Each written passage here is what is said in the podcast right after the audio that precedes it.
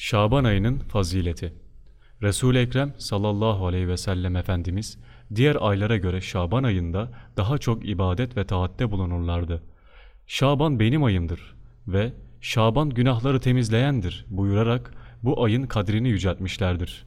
Keşfül Hafa Hazreti Enes radıyallahu anh Resulullah sallallahu aleyhi ve sellemin oruçların en üstünü hangisidir sorusuna cevap olarak oruçların en üstünü Ramazan-ı Şerif'e tazim ve hürmet için Şaban ayında tutulan oruçtur buyurduklarını beyan eylemiştir.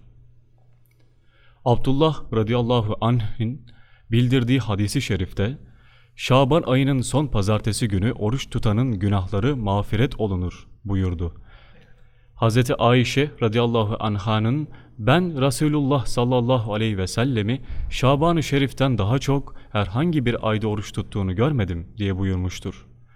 Şaban kelimesinde beş harf vardır. Şın, ayn, be, elif ve nun.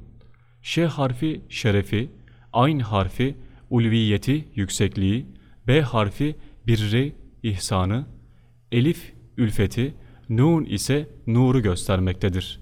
Bütün ihsanlar bu ayda Allahü Teala'dan kullara bahşedilmiştir. Şaban öyle bir aydır ki onda hayırlar açılır, bereketler iner, hatalar terk olunur, günahlar örtülür. Bu ayda Peygamber sallallahu aleyhi ve sellem Efendimiz'e çok salavat-ı şerife getirilir. Şaban ayı Peygamber sallallahu aleyhi ve sellem Efendimiz'e salavat ayıdır. Nitekim Allahü Teala elbette ki Allahü Teala ve melekleri peygamberi üzerine salat ederler. Ey iman edenler! Siz de ona salat ve selam okuyun buyuruyor. Ahzab suresi 56 Şaban-ı Şerif'te okunacak dua Allahümme barik lena fi Şaban ve belleğna Ramazan vahtim lena bil iman ve yessir lena bil Kur'an.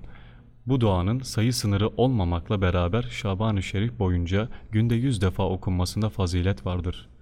Şaban-ı Şerif duaları.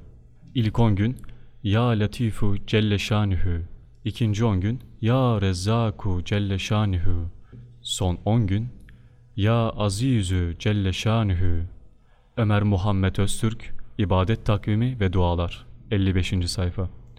25 Mart Mevlana Takvimi